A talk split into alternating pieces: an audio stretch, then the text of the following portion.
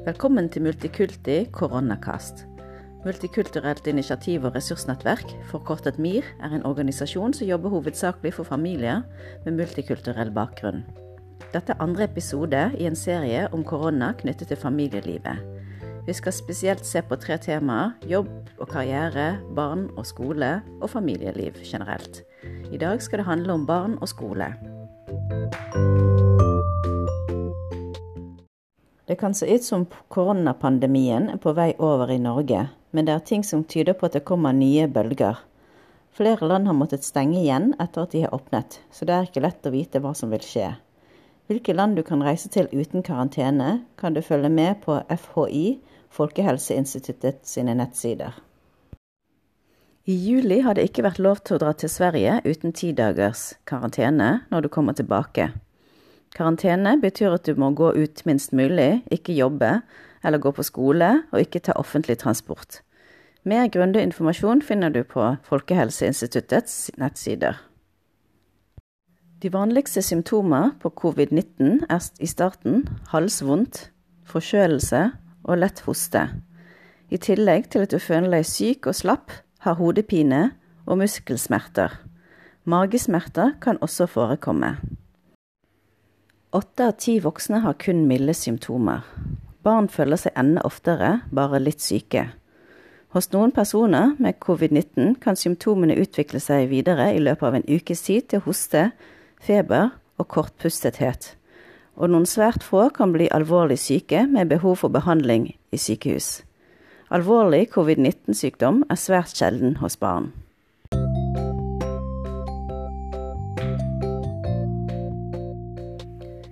Så husk å holde avstand og vaske hendene. Nys i albuehulen. Ikke klem eller ta folk unødvendig i hånden. Hvis du er syk, ta kontakt med legen din, eller ring informasjonstelefonen på 815 55 015. Da Norge ble rammet av det nye koronaviruset, eller covid-19, i mars, ble skolene stengt, og barna fikk opplæring gjennom forskjellige plattformer på internett. Nå har skolene åpnet igjen, men det er en sjanse for at det som kalles den nye bølgen av koronavirus kommer, og at skoledagen vil endres. Det er derfor viktig å følge med på SMS-meldinger og e-post fra skolen til foreldrene. Mange foreldre har måttet være hjemme med barna. Derfor ble det gjort en endring i omsorgsregler fra 13. mars til og med 30. juli 2020. Alle foreldre har fått en dobling av omsorgsdager.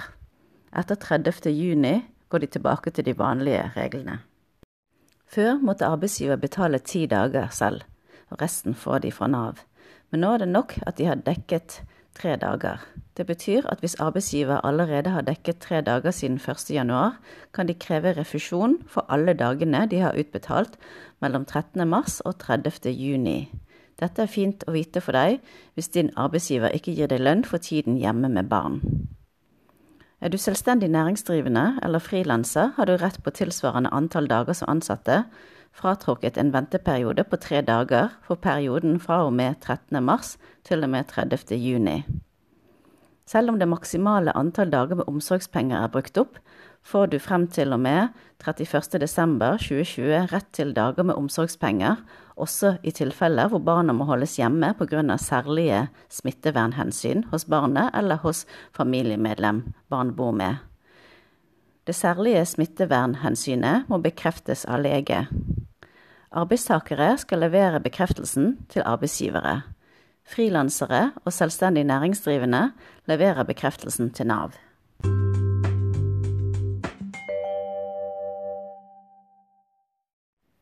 Hjemmeskole. Hvis skolen stenger, må lærerne alltid ha et opplegg for barna på nettet. Så det er viktig at foreldre følger med og spør barna hva som skjer. Hvis de sier at det ikke er hjemmeskole, er det viktig at foreldrene tar kontakt med læreren til barnet.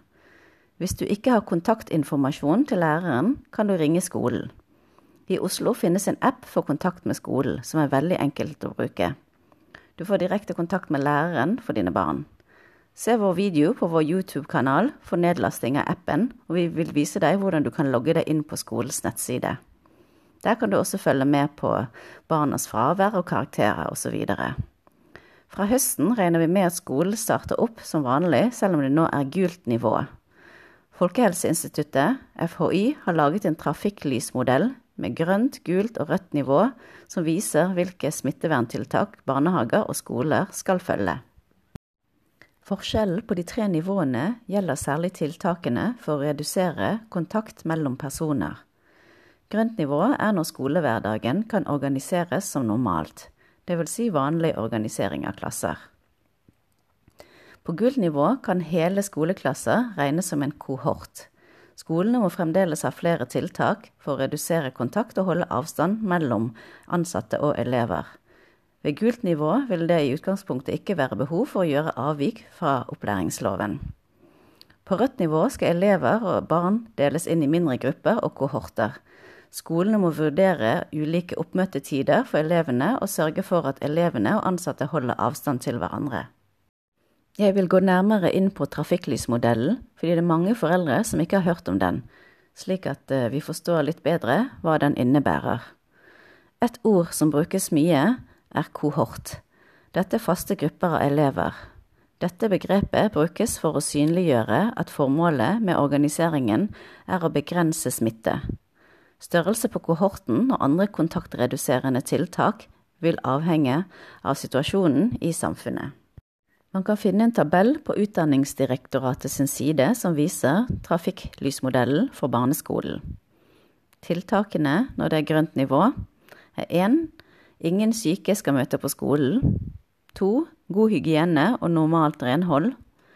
Tre, Kontaktreduserende tiltak skal være å unngå fysisk kontakt mellom personer, dvs. Si håndhilsing og klemming. Og så ellers er det vanlig organisering av klasser og grupper og skolehverdag. Gult nivå ingen syke skal møte på skolen. God hygiene og forsterket renhold istedenfor normalt renhold.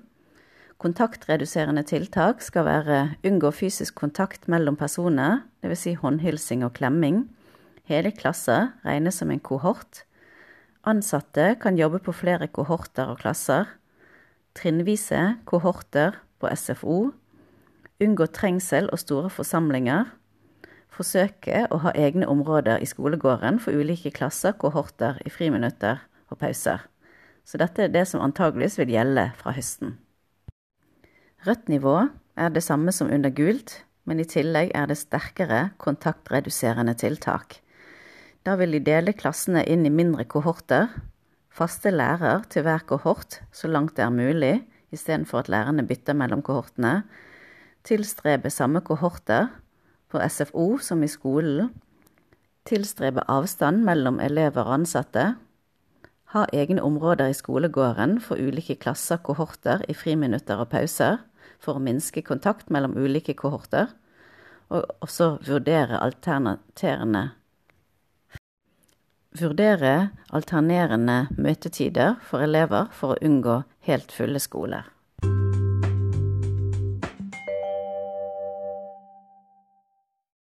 Noen elever må bli hjemme fordi de må være i karantene. Disse vil ha rett på hjemmeundervisning gjennom internett. Det er viktig at du som forelder kontakter skolen for å sikre at ditt barn får oppfølging. Ingen barn har skolefri selv om de er hjemme hvis de ikke er syke selv.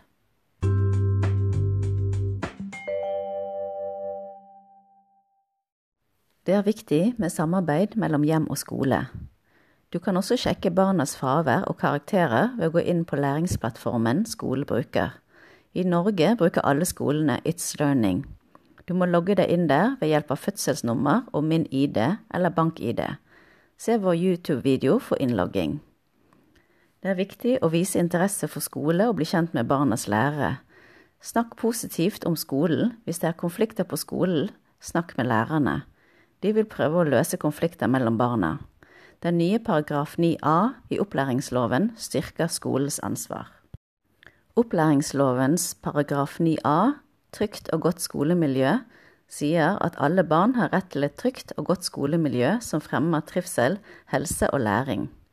I Norge er det lovfestet nulltoleranse for krenkelser som mobbing, vold, diskriminering og trakassering. På skolen, på skoleveien, og på skolefritidsordningen og på leksehjelp. Retten til et trygt og godt skolemiljø handler om det fysiske miljøet inne og ute på skolen, og det psykososiale miljøet. Selv om barn ikke er på skolen, kan de også mobbe hverandre på sosiale medier. Hvis det påvirker skolemiljøet, har skole et ansvar, selv om det skjer utenfor skoletid. Noen skoler har lagt en lenke til hvordan en kan melde ifra om slike forhold på en enkel måte på deres nettsider.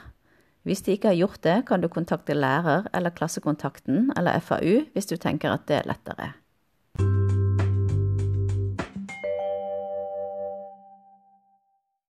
Det kan være vanskelig å få barn til å gjøre lekser når de har hjemmeskole, spesielt hvis du selv ikke kan hjelpe dem med lekser. Heldigvis har flere organisasjoner gratis leksehjelp på nettet, slik at man kan ta kontakt og bestille time hos dem. Røde Kors og MIR er blant disse organisasjonene. Vi legger ved en liste på våre koronanettsider. Hvis barnet ditt sliter mye med hjemmearbeid, er det viktig å si fra til lærer, slik at de kan tilrettelegge. Barn som ikke mestrer skolen, kan lett gi opp og få et negativt forhold til skolen.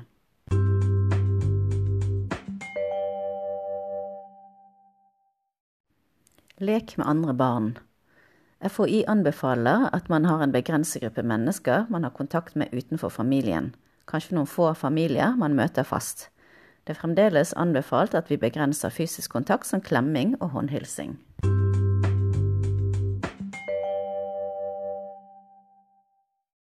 Fritidsaktiviteter. Barn og unge under 20 år kan trene som normalt, etter at det 1. juni ble gjort et unntak fra anbefalingen om én meters avstand under trening innen organisert idrett. Unntaket gjelder både innendørs og utendørs. Fra 1.8.2020 gis det unntak fra énmeterskravet ved konkurranser der alle deltakerne er under 20 år og aktiviteten ikke kan utføres som normalt hvis en skal overholde avstandskravet til enhver tid. Dermed åpnes det for kamper og andre konkurransesituasjoner for barne- og ungdomsidretten hvis ikke smittesituasjonen forverres. Kravet om én meters avstand kan siden 15. juni også fravikes for barn og unge under 20 år som deltar på sommerskole, sommerleir, aktivitetsleir, kulturskole, leirskole, skoleavslutning og andre skolelignende fritids- og ferietilbud, samt de som står for arrangementet. Anbefalingen om gruppestørrelse på maksimalt 20 person opprettholdes, men flere slike grupper på 20 personer kan samles. Dette forutsetter at gruppene holdes adskilt, og at de enkeltvis og samlet kan overholde smittevernrådene.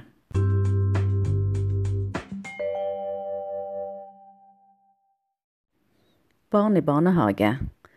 Foreldrene slipper å betale når barnehage og SFO er stengt.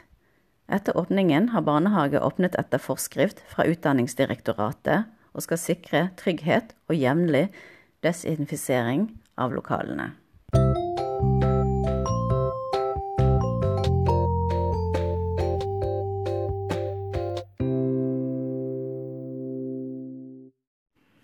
Hva bør man gjøre når man er i karantene som familie med barn? 1. Snakk med barna.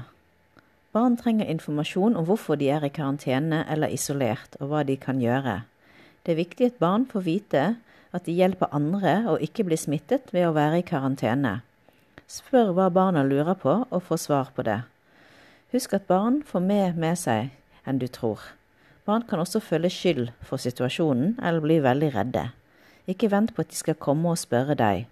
Spør hva de har fått med seg av informasjon og nyheter, og snakk med dem.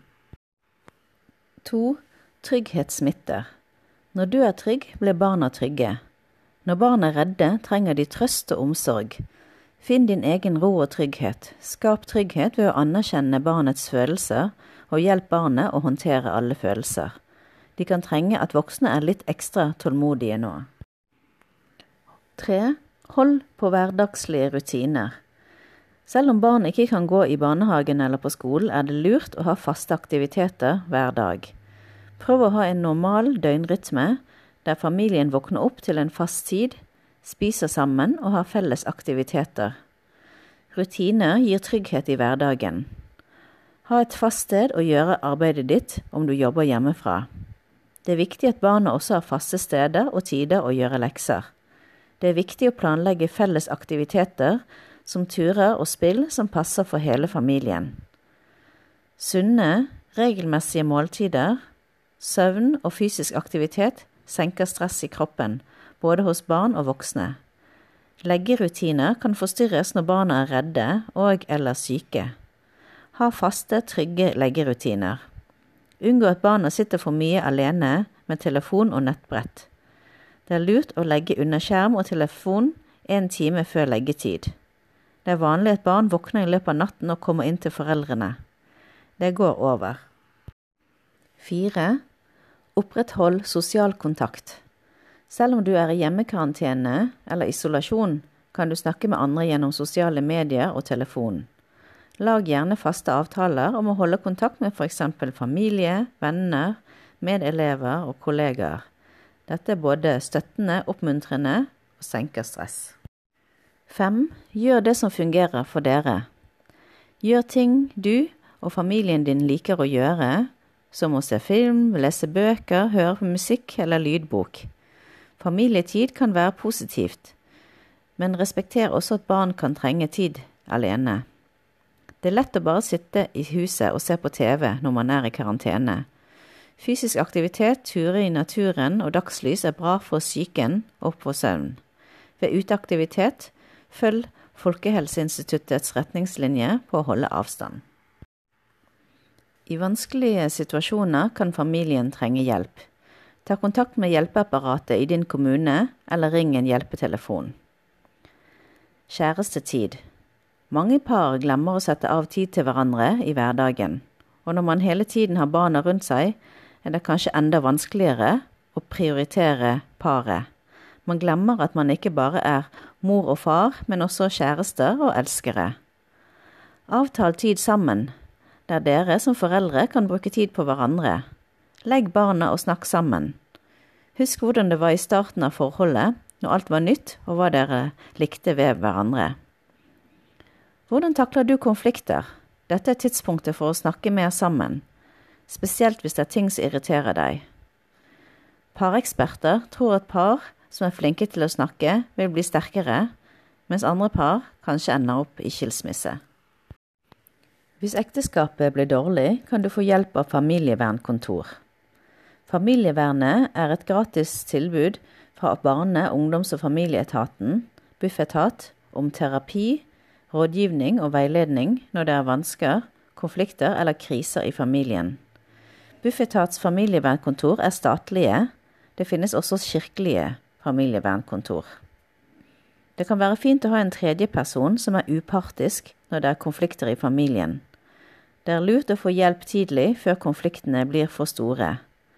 Noen har også kurs der du kan lære gode måter å kommunisere på. For noen som ikke har bodd lenge i Norge, kan det bli konflikter pga. ulike kjønnsroller. Da er det lurt å snakke om hvordan din familie ønsker å ha det her. Du kan søke på internett etter familievernkontor i din kommune eller bydel og bestille time.